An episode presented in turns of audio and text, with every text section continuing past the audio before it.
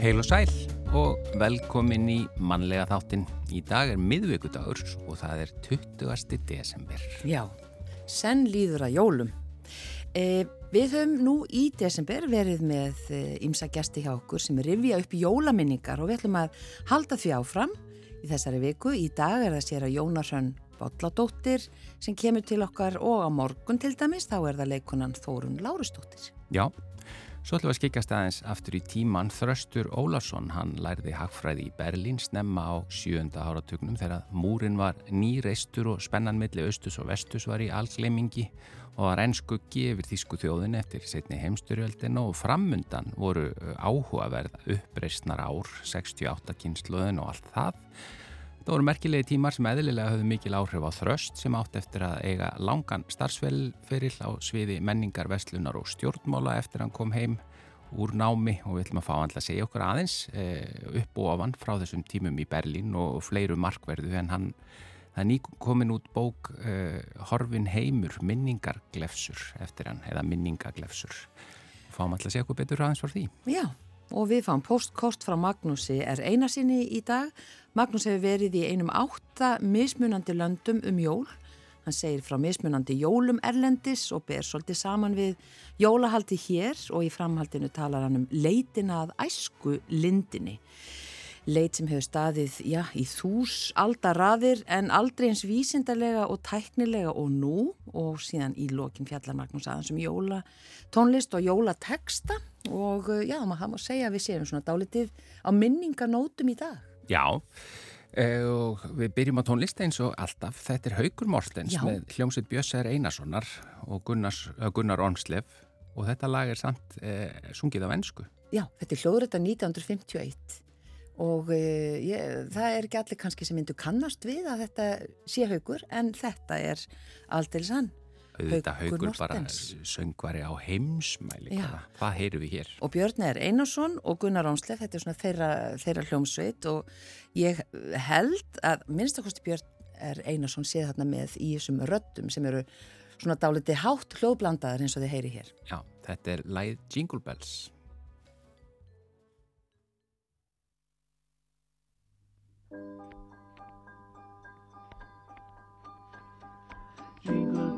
bells, jingle bells, jingle all the way.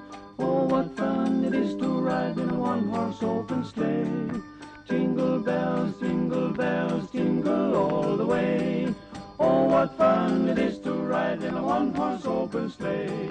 Dashing through the snow in a one-horse open sleigh. All the fields we go, laughing all the way.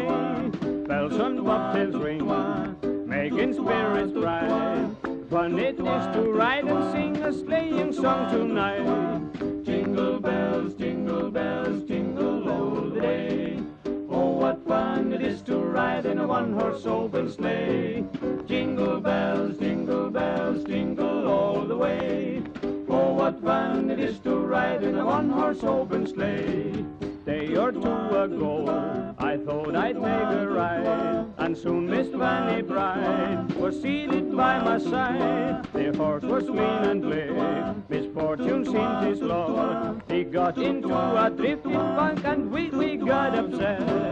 Jingle bells, jingle bells, jingle all the way. What fun it is to ride in a one-horse open sleigh. Jingle bells, jingle bells, jingle all the way. Oh, what fun it is to ride in a one-horse open sleigh.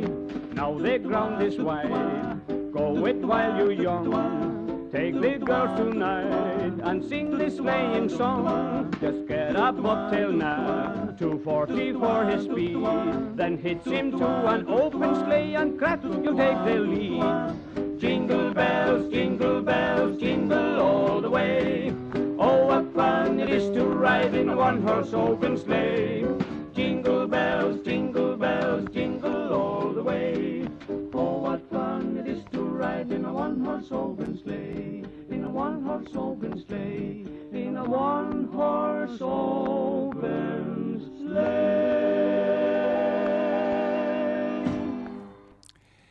Já, þetta er Haugur Mortens. árið 1951 að syngja Jingle Bells og með hljómsveitum Björns er Einarssonar og Gunnars Ormslev og ég vildi óska að ég vissi hverjir hefðu sungið þarna með honum en mér grunar það hafi verið Björner og kannski bara Gunnar Ormslev líka og einhverju fleiri. Ég hefði aldrei giskað á að þetta væri íslensku upptaka uh, fyrirfram. En hún frábær. Já, þetta er gaman að heyra, heyra, heyra haug þarna. Hann er ekki auðþjætt auðþekkjanlegur í þessu lagi. Nei, að því að maður þekkt ekki svo vel auðvitað röttinu hans. Já, en það er komið að eh, þessum lið hjá okkur í desember sem heitir Jólaminningar og Jónar Hrönn Bólladóttir Sera, sérst hérna hjá okkur, velkomin. Takk. Og þá spyr maður, eh, er af nógu að taka? Þú, þú ert alveg upp til dæmis á prestsetri. Já, já, já, já. Það er auðvitað nógu að taka og hérna eins og eitthvað sagði, það er gaman að vera prestur á jólum og páskum. En ég er ég er alin upp auðvitað í alveg ótrúlega sterkum hefðum og eins og þú sagðir á pressheimili og, og það var nú stundum, ég hef stundum sko því að það er svo fallett í laufósi og e, gamall torfbær og, og, og falleg sveitakirkja og veriðulegt eh, pressetur og fjárhúsin og hlaðan og svo sko ég svona stundið hugsa tilbaka þá finnst mér eins og ég hafi sko búið inn í jólakorti Já. en sko hérna, þegar ég bara sé myndina fyrir mér og þetta var það, það var alveg ótrúlega jólalegt og, og ég tala nú ekki þegar það var hérna snjórin og, og svo þetta var allt svona, þetta litaða mjög miklum hefðum af því að uh, pappi var náttúrulega með sko þrjár sóknir þannig að það var alltaf sko, þetta var alveg svona hefðbundi, hann messaði á aðfangadag klokkan fjögur í Svalbardskirkju af því það þurfti að gera áður en að menn fór í færi fjós Mm. Og, og svo var hann í Grenivíku kirkju klukkan 2 á, á jóladag eh, minnum með að hafa verið og svo annan í jólum klukkan 2 í Laufáskirkju og, og, og svo kom aftur áramótin og allar hefðir í kringu þá þannig að þetta var svona algjörlega fastilíður og ég man eftir því að Ég man eftir því að vera að fara, ég held að vera á gamláskvöld þar sem við vorum að berjast í hérna að komast í aftansöngin og gamlástaði Greinvíkukirkju og það er einhver ma maður sko sem kom bara á jæppa á sveitinni til að keira pappa og organistur eitthvað að koma til að stað. Þetta var sko, ég menna þetta sko stórmáli, ég man líka eftir í, í Svalbarskirkju að, að hérna bændunni komu náttúrulega allir, þetta var náttúrulega haft þarna glöðum fjögur svo þeir getur farið í fjós og, yeah. og þeir, þetta var þeirra kvildastund og þeir voru stundum að finna að því við pappa því hann hafði svo sterk og fallega tenurött og söng háteðatón Bjarnar Þorstinsson frá Siglufyrði náttúrulega eins og ég veit ekki hvað sko. Menna Kristján Jóhansson hefði árið hrifin og hérna og þeir, þeir voru svolítið hvart að segja henni bóli, það bara er ekki hægt að sopna hérna á kirkjubækjónum af því að hérna, hann pretikaði á kappi og, og, og söng, söng hátt og það var mjög fallet en sko ég get ásama föðu minn fyrir allt hans helgihald Mér langar í þessari jólaminningu að dása hana móður mína Já. sem að var pressfrú í sveit og, og, og var, var raunni vann sem sjálfbúðlið í 40 ár fyrir kirkjuna á hverjum einasta deg og þetta er svona hópur á 20. aldinni til dæmis eh, samferðakonur mömmu þessar konur gáfu og gáfu inn í samfélaginu þar sem það bygguð sem eh, pressmatumur og það er engin að halda því á lofti en það er verið að til. Það er komið tími til. Og ég ætla að segja við ykkur það var þannig hefð á mínu heimili annan í jólum þegar það var messað í, í Laufos kirkju kl. 2 þá var öllum kirkju gestum búið inn. Og við erum að tala um 60 manns 80 manns. Og það var bara þannig. Við erum sko, hún eignaðist okkur fjögur og fimm árum og svo tvö svona setna þannig að við erum sex sískininn og, og mamma helt heimili og, og hún vissi aldrei hvað er þau margir í mata því að þetta var pressheimili á þessum tíma var bara þannig að, að það var bara banka á dittnar skiljiði? Það var opið öllum. Já, já, já, já, já, já. og hún var alltaf á bak og seti fristikistuna og, og búa sig undir. Og þetta var náttúrulega með því að að undibúa allar hefðir og taka laufabröð og gera allt sem átt að gera þá var, sko, var hún að horfa til þessara stóru veistlu annan jólum, ekki bara aðfangat á jólat og allt þetta. Og ég man bara eftir því heima að það var náttúrulega allt þrýfi hátt og látt og hún sett okkur öll í verkefni og svo var verið að búa til tertunar pappi var að skreita fyrir hana Marinsinn, var að skrifa gleðili jól og brúna Marinsinn og með, með, dökka, með botni og, og, og milli rjóma með, með bönunum og súkulaði bara, þú veist, þetta var ekki ekki og hún var að gera bröðtertur og, og hún gerði massipatertur ég man alltaf eftir því að fólk kom og, og hérna horða hús að massipatertur af því að hún hafði það var svona dönsk áhrif að hennar hérna æskuheimili. Þannig hún var með sko pappi bjóð til blómin og með rauða matalitnum og allt þetta. Og, og sko svona var verið að undibúa sko fram yfir hérna háti þessara fjölskyldu Wow. ég, ég, ég veit það Nei, hvernig fór Já. hann að þessu? En svo man ég eftir það var eitt eins svona sárminning. Við erum sko öll ofbúslega mikið matfólk eins og á mér sérst og öðrum sem hafa nú losað sér við þau í minni fjölskyldu að hún átti vinkonu sem bjóði Reykjavík sem hétt Lamba og var dóttir Áspjörs Ólason að heilsala Já. og alltaf fyrir hverja einustu jól þá sendi Lamba uh, því þau fluttin prins Pólo og hún sendi alltaf svona kassa af mjóu prins Pólónu sem ekki eru lengur til. Já, litlu. Já, bara þessi breið. Helmingurinn. Já, helmingurinn. Og ég bara, þú veist, ég bara, það var svo geggja að að hún var að senda þetta. En ma, svo tóku foreldra mínur upp á því að það var svo stórkostlegt að börnin í sveitinni fengi prins Pólóð okkar og þú veist, þar, þetta er svona bara, og pappi er það er sárminning, raðaði þessu eitthvað geggja smartu upp því hann var svo listrætt þannig að þetta veði enn gýrnilegra fyrir þessa krakka sem voru auðvitað ekki að fara að fá sér eitt stykki, heldur bara mörg. Og hérna, og þar með annan í jólum, bara var getið allt prins Pólóið frá áspilni Ólasinni Já. Æ, en æ. þetta var nú kannski bara svona eina vonda en, En sjáu þið sko hvernig þetta hefur verið? Einhvern veginn bjóða allt sitt besta. Já, Það er og, og ótrúlega. bara, og, og ég, svo er ég líka að hugsa bara Þetta stóra heimili já, og samt já, allt þetta og fólk bara við líka. deilum og við deilum og við deilum Já.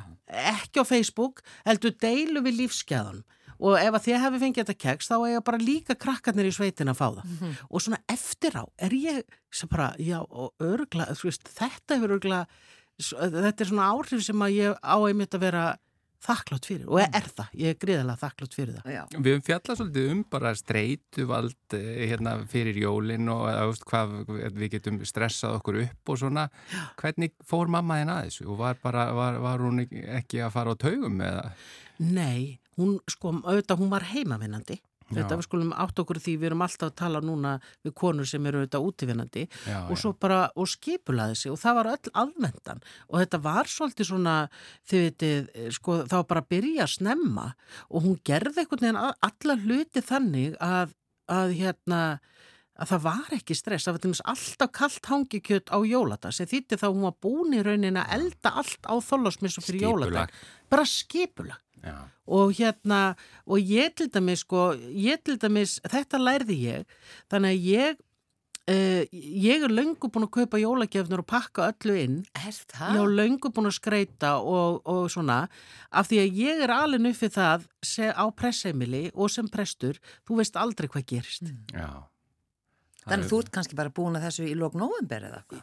Já, já, já, já, já. Og hefur fengið þetta skipulag sken frá Já, mammaðinni. og svo hef ég lært það að sko, það, það er enginn sem grýpur þessa bolta og það þarf ekki að verða slí, nema slís eða verður slís í sókninni eða eitthvað kemur upp á Mm. uh, þá hérna þá er ég farin út af heimilinu og, og kannski er ekkit, að, er ekkit mikið heima eða í svona einhverjum áföllum sem verða og, og hérna og það er svona hlutið, bæði bara hennar skipulag og svo auðvitað það sem að hérna ég bara mann eftir fyrstu jólunum þegar við vorum ungi presta 27 ára þá var svona skyndilegt áfall á jóladag Mm. og þar með var hann eh, ekki jóladagur eins og, eins og hérna ég hefði reiknað með Já. þannig að sko auðvitað lífsreynslan kennir manni Mm.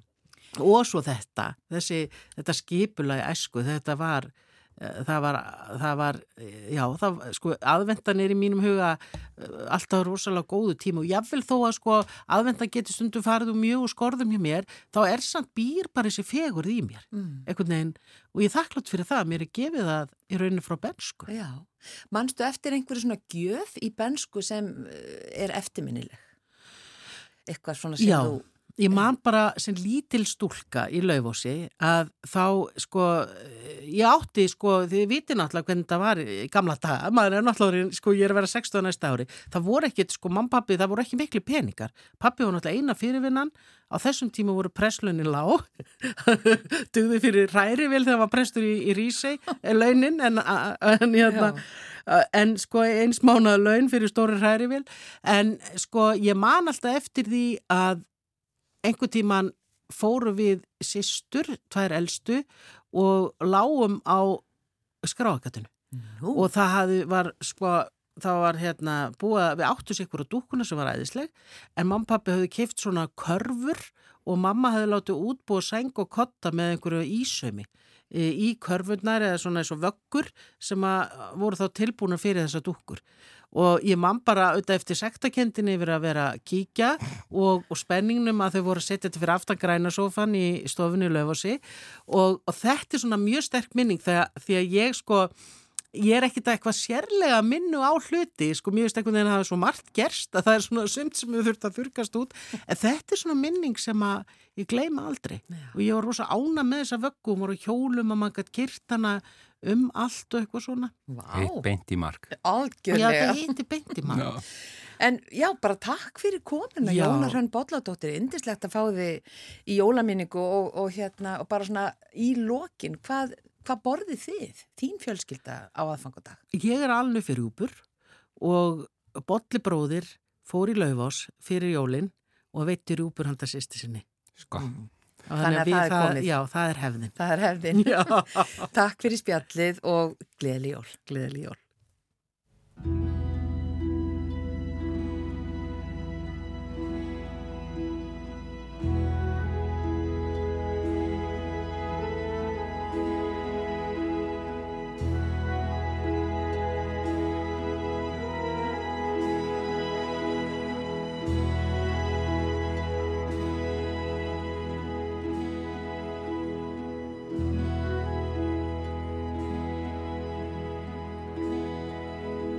Á himni hátt.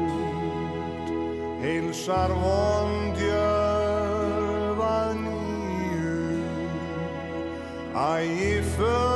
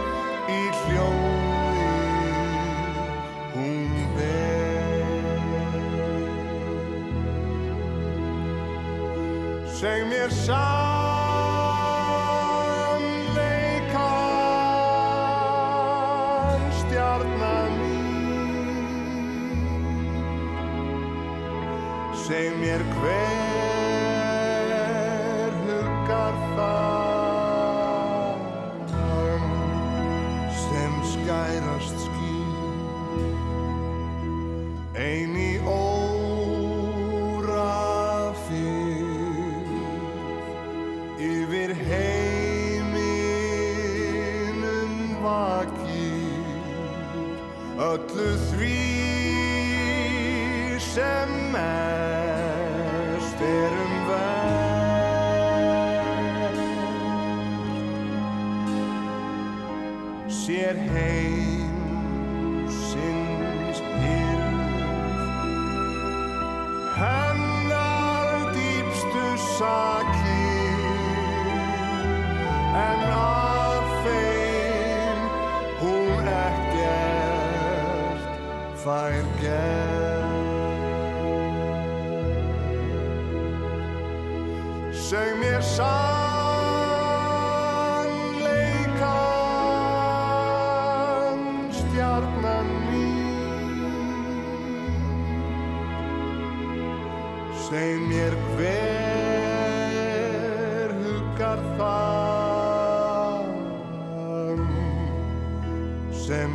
skærast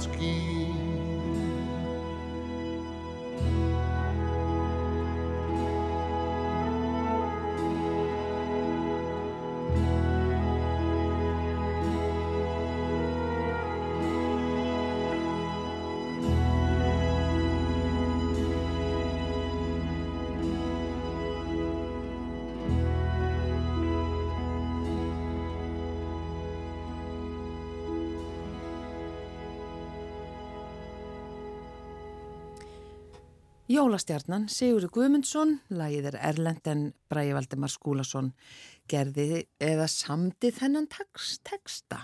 Já, við ætlum að fara aðeins aftur í tíman, eh, það er að segja minningaglefsur. Eh, bókin Horfin heimur er komin út, eh, Þröstur Ólafsson skrifar þar einmitt minningaglefsur, velkomin í manlega þáttin. Takk fyrir.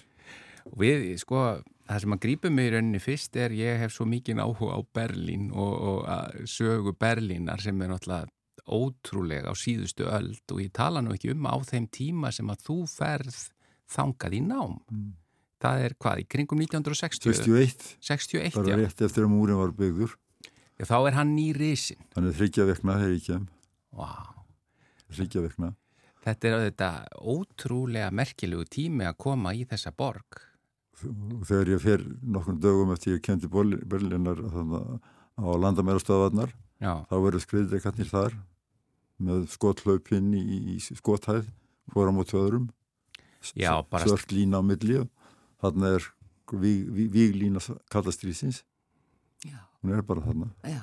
Þetta er bara nánast eins og í dag með Norður og Suðukóru nema þarna er þetta bara í Berlín. Já og nýbúið að reysa og svo sko er það auðvitað öll sagan þar á undan því að Já. það voru bara eh, þessi, þessi mál frá setni heimstyrildinu öll voru bara nánast óuppgerð eða hvað eða það er raunverulega öll stríðir að gera upp og óuppgerða fortíð Já. og þú getur rækið þessa borg sko sögu þessara borgar og stöðu hennar í Európu hún er svo rosalega mikil í margar aldir Já. þá er ímest teknar þarna ákvarðanir um stríð eða tekið þátt í stríðum sem að skipta meira sér okkur hér upp á Íslandi á 17. áld miklu máli. 30 ára stríði og, og, og hérna þó það hefði ekki kannski verið tekinn ákvörðunum það þannig í Berlín en þá er það Þískaland Já. og uh, þar er í framhaldi að því teknar ákvörðun sem skipta okkur máli. Það sé bæði um það að, að, þarna er leift að, að setja á einokun út um allir Európu, við erum ekki einu landi sem fengt danska einokun heldur, heldur mjög víða annar staðar. Og það var ákveðið þarna að það mætti ekki raunverulega að gera. Mm. þarna er raunverulega þetta högdag fullveldi þjóða ákveðið í fríðarsamningunum þar. Þannig að við getum bara rækið stríðin, öll Európustríðin og þá er það eitthvað brot sem lendir á fjörunum á Íslandi. Já. við talum ekki um þessi stríð sem að háð voru í, í sérstaklega í, í Berlín bæði heimstyrjöldinir og fleira. Hvernig kom til að þú fóst þangað í hagfræðina?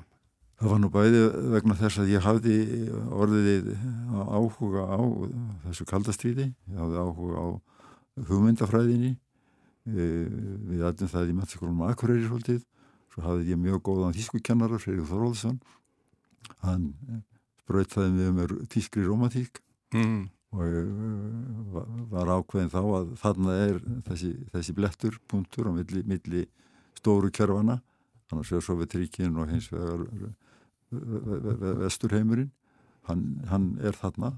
Hann er bara línan dregin í kaldastriðinu þarna, alveg frá 48 umlega 45 48 þegar kaldastriði hefst. Já. og svo alveg þangað til að múrin fell fell 89 Já. og og þarna, ég vildi kynast þessu ég vildi kynast þessu Talaður þýsku áður nú fórst? Nei, nei, ég bara lærði mín að vendarskóla þýsku og gæti svona rétt stöitað mig fram úr strísfyrirsögnum og blöðunum Já. Já, og þú vildi kynast þessu og þú ferð þarna, hvernig Já. var þessi upplifun í fyrstu? Þetta var náttúrulega mjög mikið, mikið, mikið sjokk fyrir mig ég kem þarna úr þessu róleheita samfélagi á Húsavík og í Þingæðisíslum fyrir menturskólan á Akureyri og lendir svo skindilega þarna í miðju kaldastriðinu uh, og um, þá er, þá er Berlin mikið aðbreytast hún er svo staður sem að síðast er raunverulega endurgerður eða endurbyggður, uppbyggður í Þískalandi þess að óvissan var þar mikil uh mhm. -huh. alltaf rúsarnir að taka Vesturbelin líka hvað um þetta fyrirtækin eru öll að flýja úr, úr staðnum og eftir er bara mann, mannfólki þarna og, og ákallega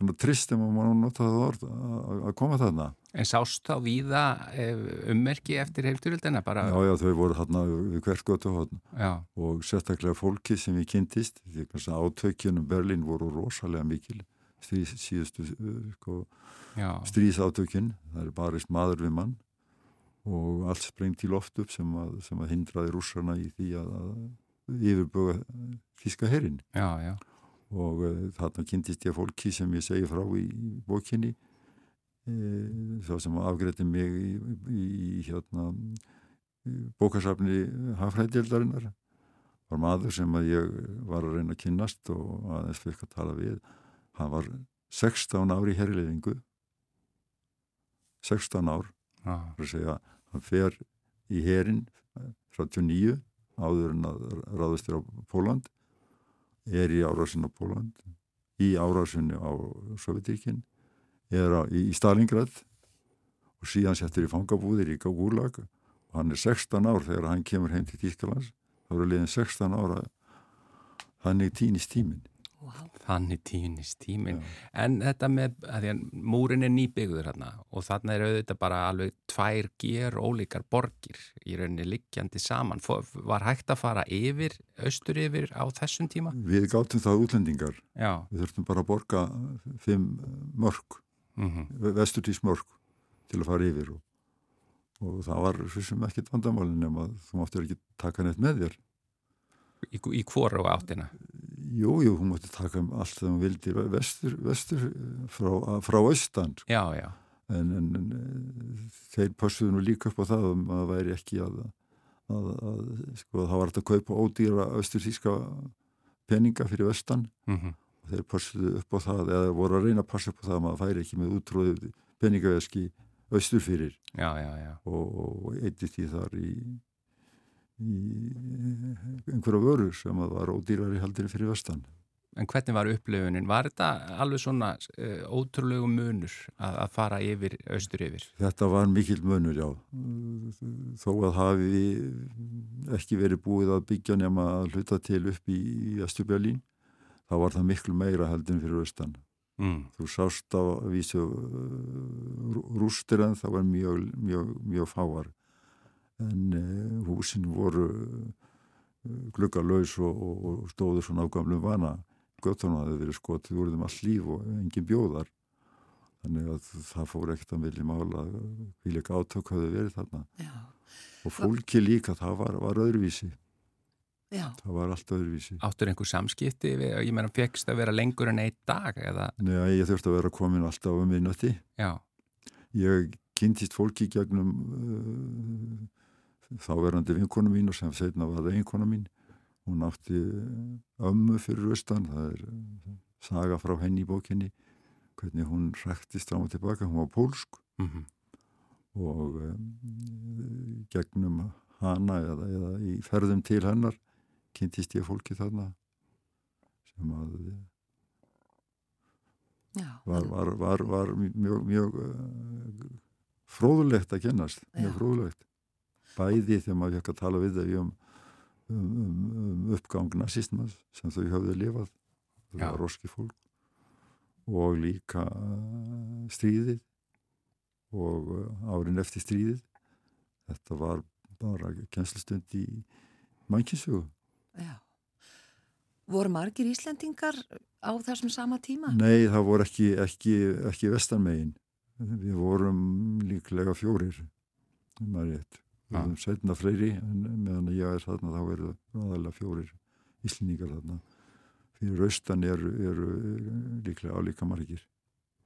Þetta eru þetta í dag búið að gríðala margir íslendingar í Berlín, þetta er orðið svolítið mikið dag, önnur já. borg í dag. Það er nú allt, allt önnur borg núna. Já, en svo varstu líka náttúrulega bara, þannig eru gróskutímar framundan líka því að það er bara mikið, mikið í gangi á loka, það er sundir lok sjönda áratugarins. Eh, Hvað ertu lengi í Berlín? Ég eh, fer heim 60 og, hvað, 8 eða 9? 60? Já, þannig að þú upplifir talsist að þeirri grósku já, líka. já, ég geri það, ég Já. geri það. Og það sem gerist þarna í Berlín sérstaklega er það að þegar múrin lokast eða lokar borginni þá flýst til Berlínar eða koma til Berlínar í nám sko, námsmenn alls þar úr heiminum og það verður svona gerjun mm. vestur þýskir flóttamenn á austan en allstaðar að norðan og Skandinavi og sunnan og, og það verður svo mikil svona gróska í, millið þeirra í háskólunum og gerir það að verkum og þarna verður þessi ólga uh, út af þessari grósku. Hún, hún býr til svona ólgu því að Suðupottur nánast. Já, suðupottur Já, það er líka mikil anstafa vesturtíst samfélag var mjög uh, svona afturhalsamt, það var mjög konservatíft og var umverulega í sömu hegðunamunstrum og uppbyggingu og það var eh, 35 37 þetta voru svona all, all, allt í fastum skorðum og, og þegar maður var að tala við stúdendana og tók þátt í viðræðin þá voru þeir líka að gera upp fortíð sína eigin fjölskyldu. Mm. hvar varst þú pabbi í stríðinu? Við, í hvaða herdild varstu Já. voru þið þarna, þarna, þarna tók þið þátt í þessu var, var mamma í, í, í hérna hvernadelt næstaflóksins og svona framist þannig voru spurningarnar og, og margar fjölskyldir maður bara fylgist með því það bara tvístruðist út af þessu þegar komið ljósa pappin hafi verið þarna og þarna og tekið þátt í þessu og þessu.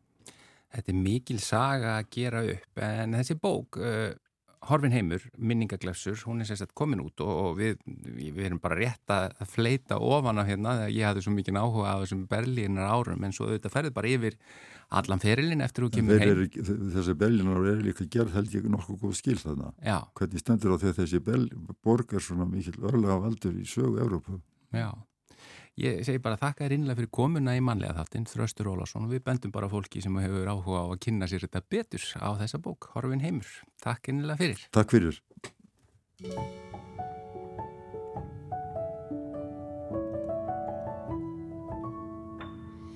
Um farin fjarlægan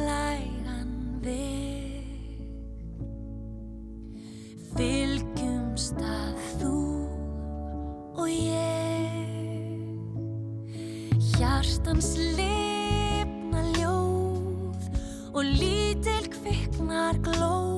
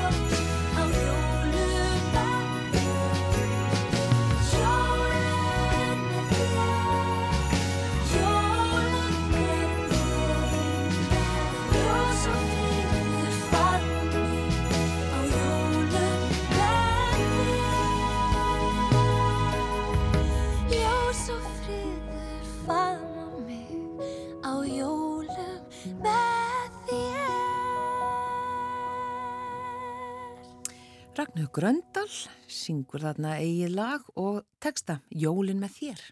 Já, það er komið að postkorti frá Magnúsi R. Einarsinni. Heil og sæl. Senn líður að jólum og ansi er nú orðið jólalegt hér í eigu. Þar sem menn skreita hús sín og garda með mikilli ljósadýrð og ég hef satt best að segja aldrei séð annað eins á öllum mínum ferðum um þessa veröld. Ég dvalið um jól í ýmsum löndum. Englandi, Fraklandi, Ítalíu, Sri Lanka, Nýjasjálfandi, Þískalandi og Spáni. Hvergi á þeim slóðum komast menn með tær þar sem vestmanningar hafa hæla hvað var það ljósa skreitingar um hátíðarnar. En fyrir 41 ári þá var ég um jóli rétt fyrir utan Colombo, höfðborg Sri Lanka. Á Sri Lanka eru flestir bútistar eins og kunnut er og þess vegna engin jól haldinn þar. Samt sá maður smá skreitingar í einstaka verslun og einn sá ég gerfi jólasvein sem hekk upp í pálmatri. Jól í hitabeltinu verða Íslendingi alltaf minnistæð því þar er allt með öðrum brag og lofslægið ólíkt því sem gerist hér norður við heimsköldsbögu. Ég var samt svo heppin að búa á litlu gistiheimili þar siðra sem var í eigu múslimafjölskyldu en fjölskyldan bauð mér og einum þrem öðrum vesturlandabúum til veistlu á jóladag. Það voru mín fyrstu og einu grænmetisjól því þar var ekkert kjötmeti á borðstólum en maturinn var rostætig og braðsterkur. Eftir matinn var spilað og sungin ljóð og lög frá vinsum löndum og krakkarnir dönsuðu. Þetta eru eftirminnileg jól því þau voru svo gerðsamlega frábröðin þeim sem ég hafði alveg stuffið. Næstu jól eftir þessi á Sri Lanka átti ég á Nýja sjálfandi en þar er há sumar á þessum ástíma. Það voru eiginlega skrýtnari jól vegna þess að þar var allt brest og kunnulegt nema allir á stuttbuxum og í sandunum 25 stegi hitti, jólamaturinn grillaður og veislunar haldnar utandira. Eins og áður sagði þá hef ég verið um jól oft sinni sælendis en það er að sjálfsögðu engin jól eins og hér heima á Íslandi. Auðvitað getur óheimigangurinn, bröðlið, kaupæðið og vond jólamúsík farið í taugarnar á manni en hér eru ræturnar og þeir síðir sem maður ólst upp við. Við kollum þennan ástíma jól. Jólatíðin er á að giska hálfu mánuður í mesta skamdeginu. Og jólin eru heiðin hátíð uppruna og slíkar hátíðir hafa verið haldnar frá örufi alda á norður kveli hérðar. Það var ansins njálti á frumkirkjuna að skellega fæðingar hátíð frelstarans á 25. desember sem var þá þegar meiri háttar vetrar sólstöðu hátíð í Rómarveldi og til einhverð fæðingu hinnar ósýrandi sólar. Dies natalis solis invicti. Jóladagur er líka kallaður fæðingarháttíð hjá flestum katholskum þjóðum. Natale á ítölsku, Navidad á spænsku til dæmis. Enskumælandi kalla jóladag Kristsmessu. Orðið júl er stundum notað í ensku en þá vísar það eiginlega sérstaklega til jólatíðar en ekki til Kristmessunar. Það er rosalegt að reyndar að lesa um jólasíðan í heiðni okkar norrænu forfeðra og mæðra. Gengdalöst ofátt og fyllir í má segja hafi einkend jól til forna. En okkar jól einkennast líka mikið af ofátti og ofdrykju, gríðarlegu neistlu fyllir í sem verðist aukast með hverjum jólum. Og maður tekur líka eftir því að í flestum tilfellum er hefðbundin jólamatur hjá evróskum þjóðum ódýr alþýðumatur. Gamlar jafnvel fornar uppskriftir eru við að notaðar um jólinn. En ofátt um jólinn er þekktur ósiður sem getur valdið mannlíðan, veikindum og jafnvel döiða. Já og lífið er hverfult og lánið er vald, eins og segir í ljóðunu. Það vita fæstir sína döiða stund og lífi getur skorist af á snöggu augabræði eins og blómstrið í sálminum. En talandu um það þá hafa menn frá örofi aldað leitað að æskulindin eða lífseglistýrnum því að mannkindinni var í upphafi ætlað eilift líf samkvæmt í biblíunni. En Eva let ormin tæla sig til að geta eplið af hennu forbúna skilningstrið góðs og íls og þar með var draumurinn um eilðina í Edens græna garði algjörlega úti og dauðinn með óvissu ferði hreinsunareldin varð að grimri vissu. Menn hafa samt alla tíð alið drauminu með lift líf í brjósti sér. Lang flestir án þess að gera nokkuð í málinu hana hana í besta falli að reyna að haga sér skikkanlega í lífinu þannig að við komist hugsanlega í paradís eftir dauðan eins og ímis trúabröð lofa. En einn þeirra sem létt sér dreyma um æskulind eða lífseliksir var fyrsti keisari Kína. Qin Shi Huang hét hann. Fættist árið 259 fyrir Krist og tókst fyrstum manna að samina kínverja í eitt ríki og hann er óla frægur í Kína sögunni. Hann varð ótrúlega ríkur og voldugur en eftir því sem árin færðust yfir hann þá tók hann að óttast dauðan afskaplega mikið og þráði ódöðuleikan og eilíðina mest af öllu hér í heimi. Hann sagðist vilja ráða kínaveldi í tíu þúsund kynnslóðir og til þess að uppfella þá ósk sína og þrá þá sendi hann lærdómsmenn, töframenn og besservissera sína út um allt sitt viðfeðma ríki til að finna lífseleksirinn. En trátt fyrir þessa miklu fyrirhöfn þá snýri enginn tilbaka með þann drikk. En til margsum ákamanum eilíft líf þá lofaði Qin Shi Huang, Kínakeisari, einum töframanninum 6.000 megjum í kvennabúr ef hann fyndi fyrir sig æsku brunnin. Hann fór sjálfur algjöra einindisleisu og hafa út til að finna sæskrýmsl um hvers æðar átti að renna eilíðar blóð. En ekkert virkaði. Og hann varð ösku reyður sínum lærdómsmönnum og let afhausa næstum 500 þeirra fyrir ódugnað og geturleysi við að finna æskulindina. Sjálfur mætti Qin Shi Huang keisari dauða sínum aðeins 49 ára að aldri. Sennilegast eftir að hafa drukkið kvikasilvis blandaðan drikk sem einhver galdra skottu læknirinn hafði bruggað honum. Sagan geymir reyndar margar sögur af raunum manna til að finna eilíft líf. Franskir aðalsmenn á 16. völdu drukku til að mynda gullklóríð blandaði í díetíl etter í þeirri von að eldast ekki. Og þeir drukku svo kallað spordrega olju þeir áttu kongulúarvefi spunna í kjöllurum og myrkrastofum allt án árangurs.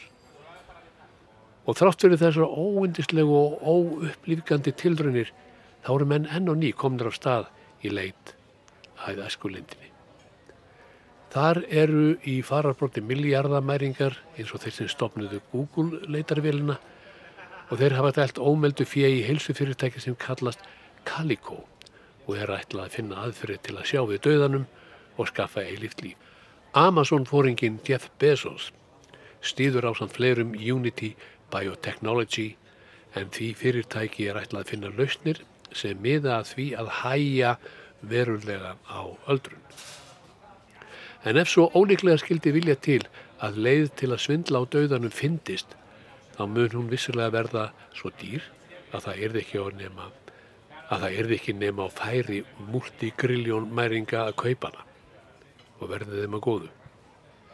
Eða hver vil verða 500 ára gamall og blankur í margar aldir búandi tveggja herbergja íbúð í blokk. Framundan er fæðingarhátti Kris og Kristmessan sjálf, hátti ljósins, nú þegar sólinn snýr tilbaka á festingunni og hefur lifað af ferðina undir yfirborðið og sjóndeldarhingin. En þetta er líka háttið neyslunar og bröðsins og spennu og streitu. Ég hlust að lítið útvarp á þessum ástíma og mér finnst ennþá svo stund þegar sálmarinn svo heimsum ból í dag er glatt í döpurum hjörtum, sjá heimins opnast hlið. Sálmarinn svo þessi þegar þeir hljóma í messunni á rás eitt eftir klukkan sex að þá finn ég fyrir jólunum eins og ég hef gert frá unga aldri. Ég hlust að lítið útvarpið og ég var mjög bátt með jólamúsíkina svo kölluðu, þar sem öllu ægir saman, ekki bara poppi, rocki, jazzi klassík og hip-hop og svo framvegis. Heldur að Það er verið að spila jólasálmana eins og þá sem ég taldi upp á þann á opimberum stöðum, í verslunum og í útvarpi, jafnvel frá því um miðjan oktober, ef ekki fyrr. Og það í afskaplega misjöfnum gæðum, útsetninga og tólkunar. Tekstar í jólamúsikinni sem okkur er bóðið upp á nútildags eru, eru svo kapitulu út af fyrir sig. Þarna eru innan um fínur og góðu tekstir, ortir af tilfinningu og musikaliteti og þekkingu, en því miður er nú megnið að þessu töluvert hnóð og grunn ristandi. En vinsaldirnar eru miklar og þegar maður reynir að sjá hvað skýn í gegn í hnóðinu þá er það helstur laungun í samveru, laungun í einhvers konar maka. Jólalaga tekstarnir lýsa ponsulítið einsemt eða einmannalega. Að eiga sér einhvern eða fá einhvern með jólin er nokkur svona leiðarstef í nútíma jólalögum. Komdu um jólin, jólin koma með þér, þú komst með jólin til mín, þú og ég og jól, handa þér. Og svo framvegis. En eins og áður sagði þá eru samt til skemmtilegir og flottir jólatekstar og mér finnst gaman að parodíunni hjá Baggalút og svo á Jón Hallur Stefánsson, frumlegustu og skemmtilegustu nútíma jólalegin. Bestu kveðjur og gleðilega komandi hátíð.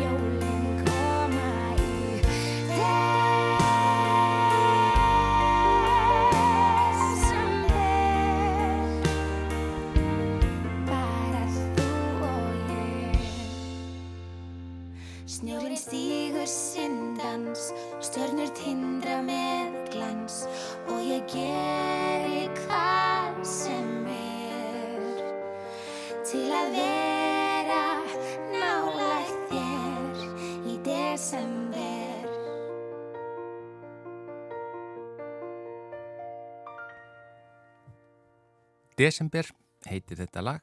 Eh, þetta eru sýstunar Hólmfríður og Greta Mjöll Samuel Stætur eða Samsam eins og það kalla sig og mm. Hólmfríður samt í lægið. E, eh, þá er þetta bara eh, síðasta lægið hjá okkur í dag og við bara þökkum ykkur samfélgina þennan miðvíkudaginn verðum hér aftur á morgun.